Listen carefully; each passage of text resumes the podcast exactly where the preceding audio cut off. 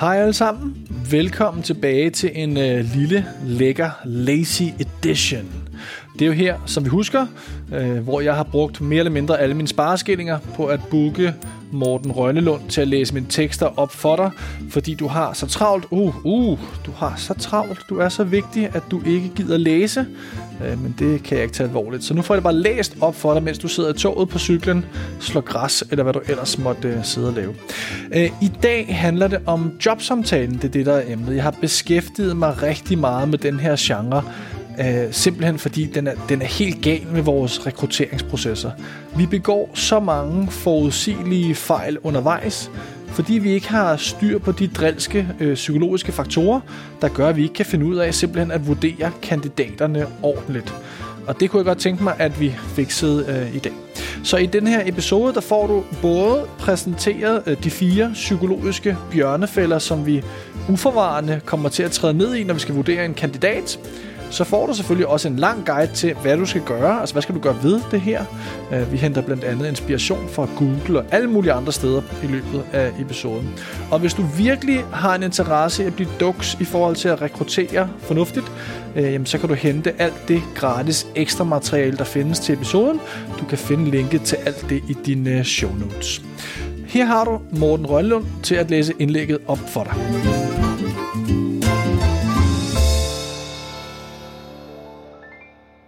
14. marts. Jobsamtalen snyder os. De fire bjørnefælder og de fire løsninger, der giver dig den bedste kandidat. Skrevet af Morten Mønster, og her fortalt af Morten Rønnelund. Nu skal jeg fortælle dig en vanvittig historie. Jeg glemmer den aldrig. Den stammer fra den dag, jeg skulle til session. Sessionsdagen blev indledt med en IQ-test, inden vi alle skulle ind til lægen og undersøges bagefter – IQ-testen virkede som et intellektuelt blodbad for 18-årige drenge. De fleste af spørgsmålene var noget med, hvis Eiffeltårnet svarer til en pandabjørn, hvad svarer en kanelgiffel så til? Nå, men efter IQ-testen indfandt man sig i et lille omklædningsrum. Her klædte vi om i små grupper, inden vi enkeltvis skulle ind til lægen, og det lille udvalg, der skulle vurdere, om man var egnet til militærtjeneste. Så strip ned til boxershorts og gør dig klar til samtale – der sad tre andre drenge i rummet sammen med mig og ventede på at komme ind. Drengen, der skulle ind lige før mig, havde haft en ret grim ulykke. Din skinneben ser helt vilde ud, mand, som min sidemand så følsomt konstaterede. Den uheldige dreng forklarede os, at han var blevet kørt ned af en bil seks måneder tidligere, da han kørte en tur på sin nye motorcykel. Konsekvensen var, at han havde fået to jernstænger implementeret i stedet for skinneben. Hans ord, jeg er ikke kirurg, og tvivler på, at det var jern, han var jo selv helt afklaret med det, og havde intet problem med at grine af det. Hans venner kaldte ham for stålanden, fortalte han smilende. Nå, men manden med jernstængerne gik foran mig ind til lægen, og det virkede af åbenlyse grunde ret oplagt, at han ville blive afvist. Fem minutter senere kom han ud. Jeg kom ind. Jeg sank helt ned i sædet. For her skal jeg måske lige indskyde, at jeg vil gøre nærmest alt for at undgå at komme i militæret. Jeg havde derfor også forsøgt at finde ud af, hvordan man kunne dumpe IQ-testen på en troværdig måde, og sideløbende kæmpet for at få lægeattester på, at jeg havde svage ankler. Alt var mislykkedes. Og hvis en mand med jernstænger i stedet for skinneben kommer ind, så kommer alle jo nok ind. Så var det min tur. Jeg kommer ind foran udvalget. Lægen kigger på mig. Han ser ned på mine fødder, og så er det, at det sker. Lægen. Du har lidt høje vrister, har du ikke? Jeg har ingen anelse om, hvad det betyder, men jeg spiller der med, for det lyder som noget dårligt. Mig. Jo, det må man sige. De er ret høje. Det kan vi ikke komme udenom. Lægen inspicerer min vrist. Det går jo ikke, når du skal marchere med støvler i lang tid. Mig. Det har jeg også ofte tænkt over og frygtet, hvis jeg nu bare skal være helt ærlig. Lægen. Jeg er altså ked af det, men jeg er nødt til at erklære dig uegnet til militæret. Jeg slap. Manden med de to jernstænger fløj direkte i militæret. Men mine vrister var for høje. What? Der er noget helt galt med vores rekrutteringsprocesser. Jeg har ofte tænkt tilbage på, hvor heldig jeg var, og nysgerrigt spurgt min egen læge om vristegate. Jeg har slet ikke høje vrister, skulle jeg hilse at sige, Og i øvrigt mener min læge, at stålanden fik proteser og sagtens kan leve et langt og lykkeligt liv med dem. Så jeg slap simpelthen for militærtjeneste på grund af dårlig dømmekraft til ansættelsessamtalen. Det viser sig imidlertid, at militærets proces er langt bedre end den proces, de fleste organisationer bruger, når de skal ansætte nye medarbejdere. Især en faktor forpurer vores dømmekraft. Selve jobsamtalen. Der er adskillige grunde til, at jobsamtalen ikke virker. I den kulørte ende viste et studie fra 2007, at når vejret er godt, har vi en tendens til at lægge større vægt på bløde værdier i vurderingen af kandidater. Et andet studie fra 2008 viste, at vi opfatter ansøgere som varmere mennesker, hvis de har varme hænder. En god vante eller to-go-kaffe at varme hænderne på kan altså være et reelt våben inden samtalen. Der er så mange underlige faktorer, der spiller ind. Langt de fleste kender vi slet ikke. Den sørgelige sandhed er, at en simpel IQ-test som den med kanelgiflerne og Eiffeltårnet statistisk set er mere prædiktiv for efterfølgende performance end en jobsamtale. Og guderne skal vide, at en IQ-test ikke er præcis. Der er en stor illusion og fire bjørnefælder, du uforvarende kan træde direkte ned i. Den store illusion. Dine evner til at interviewe. Hele problematikken bunder i, at vi tror, vi er meget bedre til at gennemføre et jobinterview, end vi i virkeligheden er. Faktisk er fænomenet så bredt undersøgt, at den amerikanske psykolog Richard Nisbert har navngivet det The Interview Illusion. The Interview Illusion dækker over, at vi tror, vi er gode til at interviewe, selvom vi ikke er det.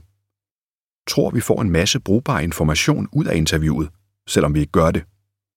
Tror, at vi kan bruge vores intuition og mavefornemmelse, selvom vi ikke kan det. Især det sidste er der forsket meget i, altså hvem der kan stole på deres intuition. Inden for det felt af videnskaben hedder det intuitiv ekspertise. Forskningen viser kort fortalt, at mennesker med intuitiv ekspertise færdes i miljøer, hvor de træffer samme type beslutning tusindvis af gange. De får hurtigt tydelig feedback på deres beslutning – Piloter, skakspillere, quarterbacks og anestesiologer kan bevisligt opbygge intuitiv ekspertise, fordi de udfører de samme handlinger tusindvis af gange og finder ud af, om det var en god beslutning ret hurtigt bagefter. Enten via et instrument eller en konsekvens. De mennesker har en mavefornemmelse, de kan bruge til noget. Men i rekruttering er det de færreste af os, der ansætter tusindvis af mennesker gennem vores liv. Og selv hvis vi gjorde, er feedbacken på vores beslutning langsom uklar og oftest totalt fraværende. Når du ansætter nye mennesker, kan du ikke bruge din mavefornemmelse til noget. Tværtimod vil den drille dig på forudsigelige måder. Og her kommer vi så til bjørnefælderne. De fire bjørnefælder. Vores dømmekraft svigter os på minimum fire måder til samtalen. Lad os se på de fire bjørnefælder, der er særdeles svære at træde henover. Derefter ser vi på fire løsninger til at undgå dem. 1. The Halo Effect. Vi lægger for stor vægt på et karaktertræk. Hvis en kandidat har en meget stærk kvalitet, f.eks. kommunikation, vil det ofte påvirke vores opfattelse af de andre kandidaters egenskaber, selvom det ikke burde. Vi overvurderer for eksempel, hvor god en teamplayer han bliver, bare fordi han kommunikerer præcist og underholdende til samtalen. Måske sidder vi med en kandidat, der har det bedste branchekendskab, og pludselig synes vi, at hendes analyser lyder meget klogere. Fænomenet kaldes halo-effekten, som jeg også kort nævnte i Jytte fra Marketing. Halo-effekten betyder, at vi tager et karaktertræk og lader det influere hele vores bedømmelse af et andet menneske. For eksempel overvurderer mennesker systematisk, hvor venlige og intelligente Hollywood-skuespillere er. De har fået en glorie på, som overstråler hele deres personlighed. Halo-effekten er også et tilbagevendende problem for ledere, når de skal vurdere deres medarbejderes performance – Halo-effekten fungerer også den anden vej. Hvis en kandidat møder usoigneret op til samtalen, påvirker det vores vurdering af ubeslægtede felter. Det siger en del om et menneske, at de ikke barberer sig inden en vigtig samtale. Men det burde ikke præge din analyse af deres faglige kunde. Alligevel træder vi ofte direkte ned i bjørnefælden. 2. Rækkefølgen skader vores dømmekraft. Konteksten betyder langt mere, end den burde. Især rækkefølgen på kandidaterne er et problem. Studier viser, at vi er tilbøjelige til at vurdere den første kandidat, vi møder, mere positivt end resten. Og hvis der er flere end fem, har den sidste også en fordel. Vi glemmer simpelthen det tynde øl i midten. I et stort studie fra England fandt forskerne ud af, at rekrutteringsfolk ligger under for samme problemer med rækkefølgen. Når de lige havde vurderet et godt CV, var de tilbøjelige til at vurdere det efterfølgende CV hårdere end ellers. Igen er det konteksten, der driller os. Det samme gælder til samtaler. Hvis en kandidat har mødt ubarberet op i krøllet skjorte, får den næste ansøger unfair point for at have vasket sit tøj og ret sit hår. Og hvis en kandidat bare har været fuldstændig elendig, så fremstår den næste automatisk en smule bedre. 3. Den gode kemi er gift. Vurder disse to samtaler. Samtale 1. Flyder godt. I griner undervejs. Du forstår hendes perspektiv med det samme og vice versa. Samtale 2. Samtalen er hakkende og fyldt med pinlig tavshed. Flere gange taler I helt forbi hinanden. I praksis vil vi typisk vurdere kandidaten i første samtale bedre end den anden. Der var god kemi. Men god kemi opstår først og fremmest, når vi er sammen med mennesker, der minder om os selv. Og det er jo en katastrofal proxy for kvalitet. Derudover er det sjældent den, der ansætter, som det pågældende menneske skal have god kemi med. Det er teamet. Og der er i øvrigt masser af nøglemedarbejdere i din organisation, som du har elendig kemi med. Vi ender med at ansætte folk, der minder om os selv, med samme værdier, udsyn, uddannelse og etnicitet. Og som du sikkert ved, er manglende diversitet dårligt for kulturen og resultaterne. 4. Vi ansætter folk, der er gode til at gå til samtale. Til samtalen. Interviewer. Hvad er din største svaghed? Ansøger. Jeg er unødigt nærtagende og tykker aggressivt på ukogte gulerødder på storrumskontoret, imens jeg nynner tilfældigt udvalgte MGP-sange. Jeg nynner dem så højt, at alle kan høre dem, men så tilpas lavt, at ingen kan definere, hvilken præcis sang, der er tale om. Og forresten, jeg er også nærig. Virkelig nærig. En jobsamtale er en date, hvor folk opfører sig unaturligt høfligt, fremhæver deres positive træk og skjuler deres dårlige sider. Dem, der er gode til den nichedisciplin, har bedre chancer for at få jobbet. Vi ender derfor med at ansætte folk, der er gode til at gå til samtaler. Rekrutteringsbyråer er en krykke, ikke en guldstål. Det var fire bjørnefælder, der hapser de fleste. Mange af os vil aldrig indrømme over for os selv, at vi ikke er gode til at afholde samtaler, og at samtaler ikke kan bruges til noget særligt. Men vi er godt klar over, at vi bør udbygge beslutningsgrundlaget en smule – jeg trak da også referencer, når jeg selv ansatte. Jeg er jo ikke dum, vel? Og gav dem en personlighedstest. Sommetider brugte vi også et rekrutteringsbyrå. Lad os begynde med referencerne. Du behøver ikke at være Rainman for at indse problemet. De har jo selv valgt dem. Tror du, de vil vælge gode eller dårlige referencer? Jeg har selv været reference for tidligere kolleger, der gerne vil have et nyt job. Når der bliver ringet til mig, skal vi tale om et menneske, jeg selv har rekrutteret, har samarbejdet med i mange år og holder meget af. Kan du stole på mig? For at professionalisere rekrutteringsprocessen og spare tid, udliciterer mange organisationer deres proces. Men det løser ikke problemerne, vi har skitseret. En væsentlig del af screeningsprocessen hos byråer er baseret på samtaler. Og hvordan vælger I selv mellem de tre kandidater, I får præsenteret? Gennem samtaler. Og det er jo ikke alt. Menneskerne i rekrutteringsbyråerne har aldrig arbejdet i din organisation, og meget sjældent i din branche. De har ikke deltaget så meget som 5 minutter i det team, de ansætter til. For at gøre ondt værre, er mange af dem lønnet på baggrund af, om I vælger at ansætte nogle af de kandidater, de foreslår. De er fundamentalt set ejendomsmalere, der arbejder røven ud af bukserne, men kun får betaling, hvis du køber et af de tre huse, de viser dig. Kan du stole på, at du får den mest objektive præsentation af husene til mødet? Vil de fortælle dig, hvis husene var middelmådige? Jeg antyder ikke, at rekrutteringsbyråer ikke kan tilbyde noget. Jeg påpeger blot, at deres proces naturligvis også er behæftet med mange af de samme fejl, plus en række uheldige incitamenter. Det skal vi blot huske på. Du kan ikke rekruttere dig ud af rekrutteringsproblematikken. Et rekrutteringsbyrå er en krykke, ikke en guldstol. Og hvis du arbejder i et rekrutteringsbyrå, så beklager jeg den metafor. Den er ikke så flatterende. Man tænker over det. Der kunne måske være en god reklame gemt et sted. Har du også mistet dine skinneben? Vi er din krykke i rekrutteringsprocessen. HR-krykkerne. Nå ja, så er der det med personlighedstesten, jeg nævnte. den tror jeg, vi dedikerer et helt indlæg til. Fire løsninger på misæren. Det var en ordentlig håndfuld problemer. Lad os se på løsningerne. Jeg vil med det samme sige, at der ikke er nogen perfekt proces. Udover krykker er der gangstativer, lifte og forskellige hejseanordninger, men ingen metode sætter dig i stand til at spacere direkte hen til den rigtige konklusion. Men her får du fire konkrete bud på at forbedre jeres proces. En fordel er, at de ikke hænger sammen. Altså, du kan bruge en af løsningerne og lade resten ligge, hvis du ikke vil prioritere tiden til det. Husk, der er en masse ekstra materiale til denne episode, ud over de fire løsninger.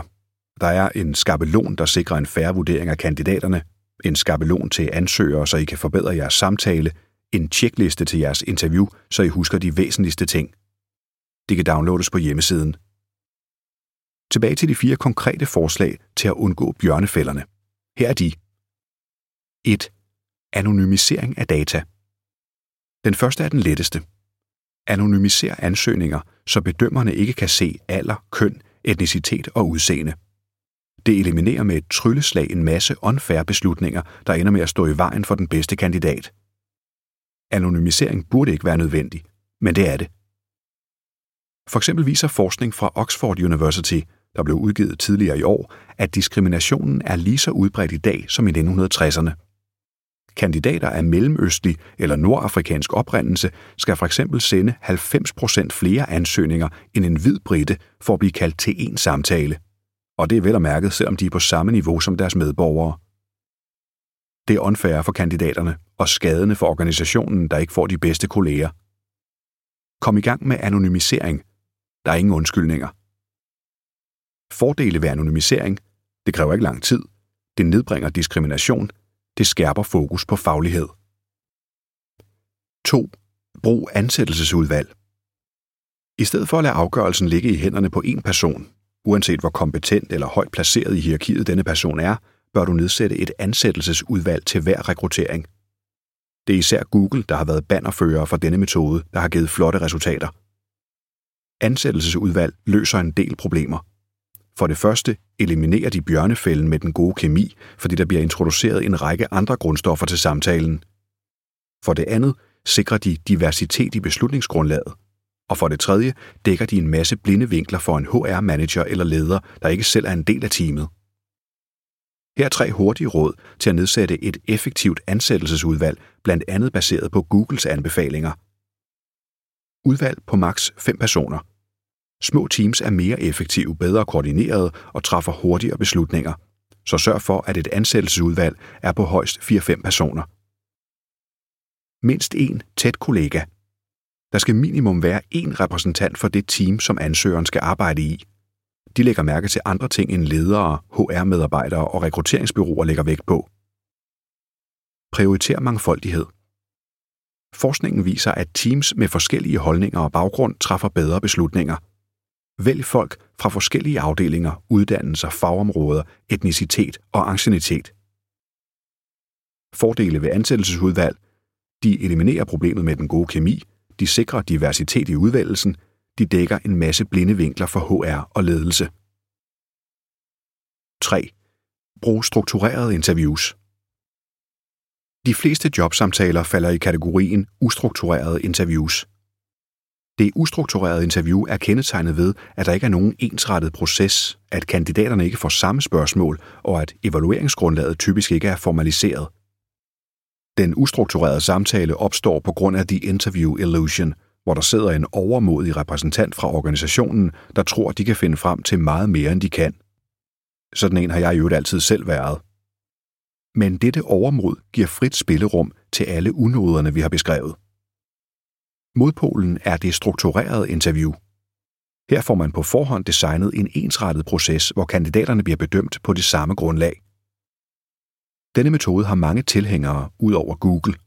For eksempel Nobelprisvinderen Daniel Kahneman, der for nylig i en større artikel argumenterede for strukturerede interviews.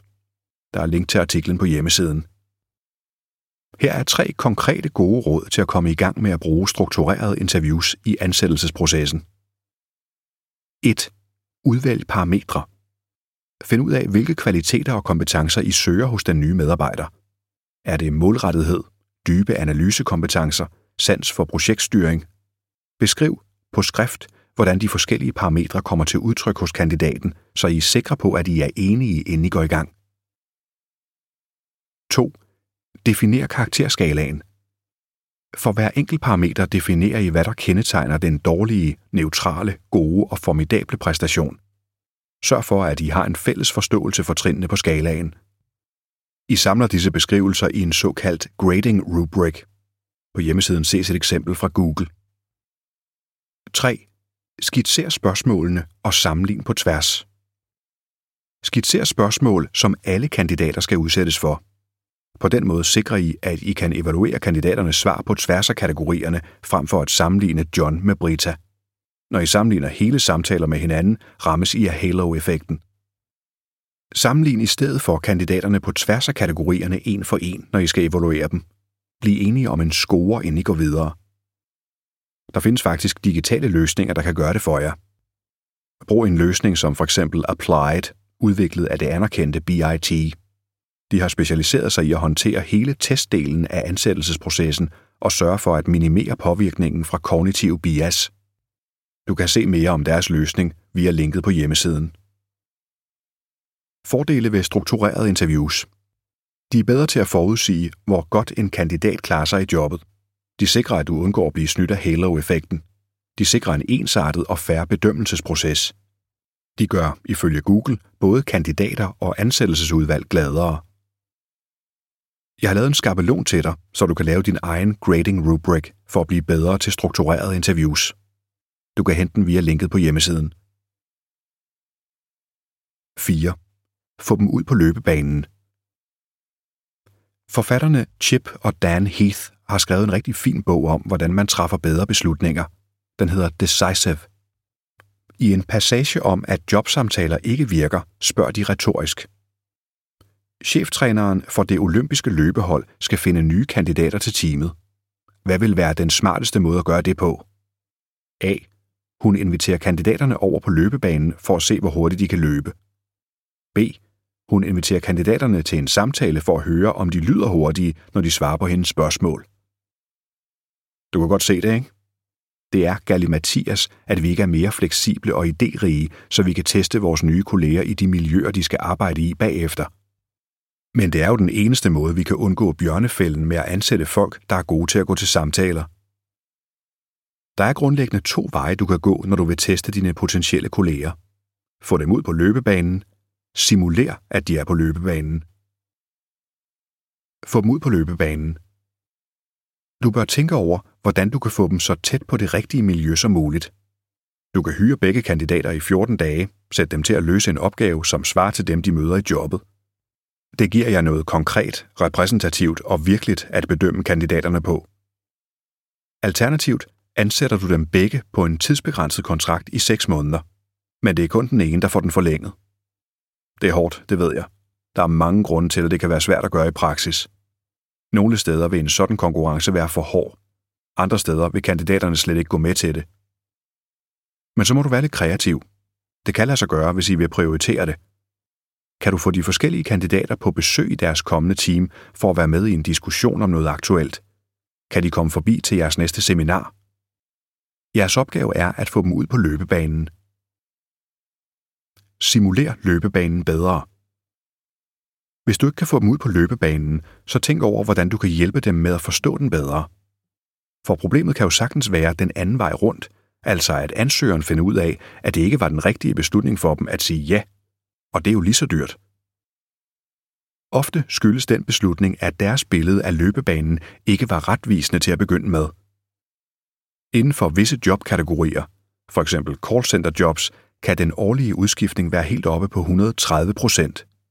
Det vil sige, at i et callcenter på 100 personer skal HR hyre 130 personer om året for at holde stillingerne besat.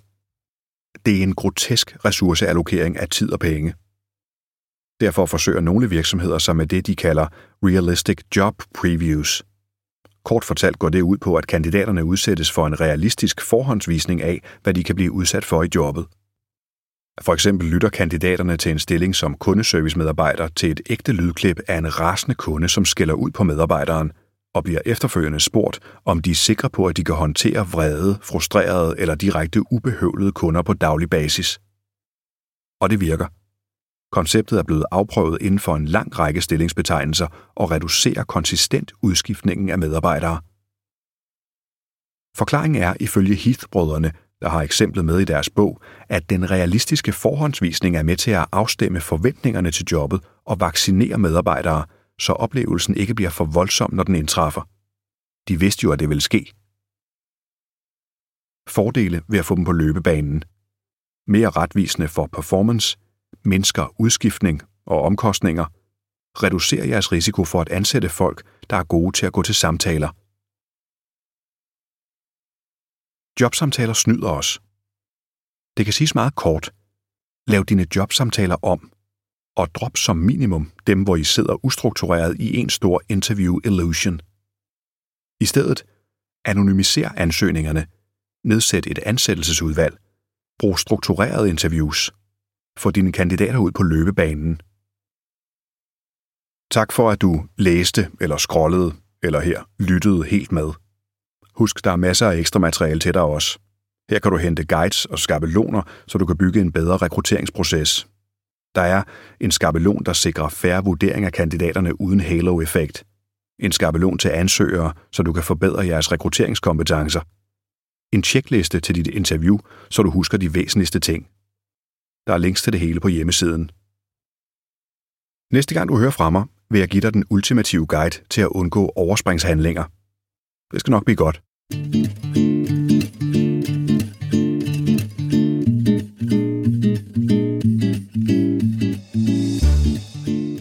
var det for i dag. Jeg håber, at det gav mening at lytte med. Husk som altid at hente ekstra materiale inde på mit website. Du finder også linket i dine show notes. Jamen, vi tales ved. Hej hej.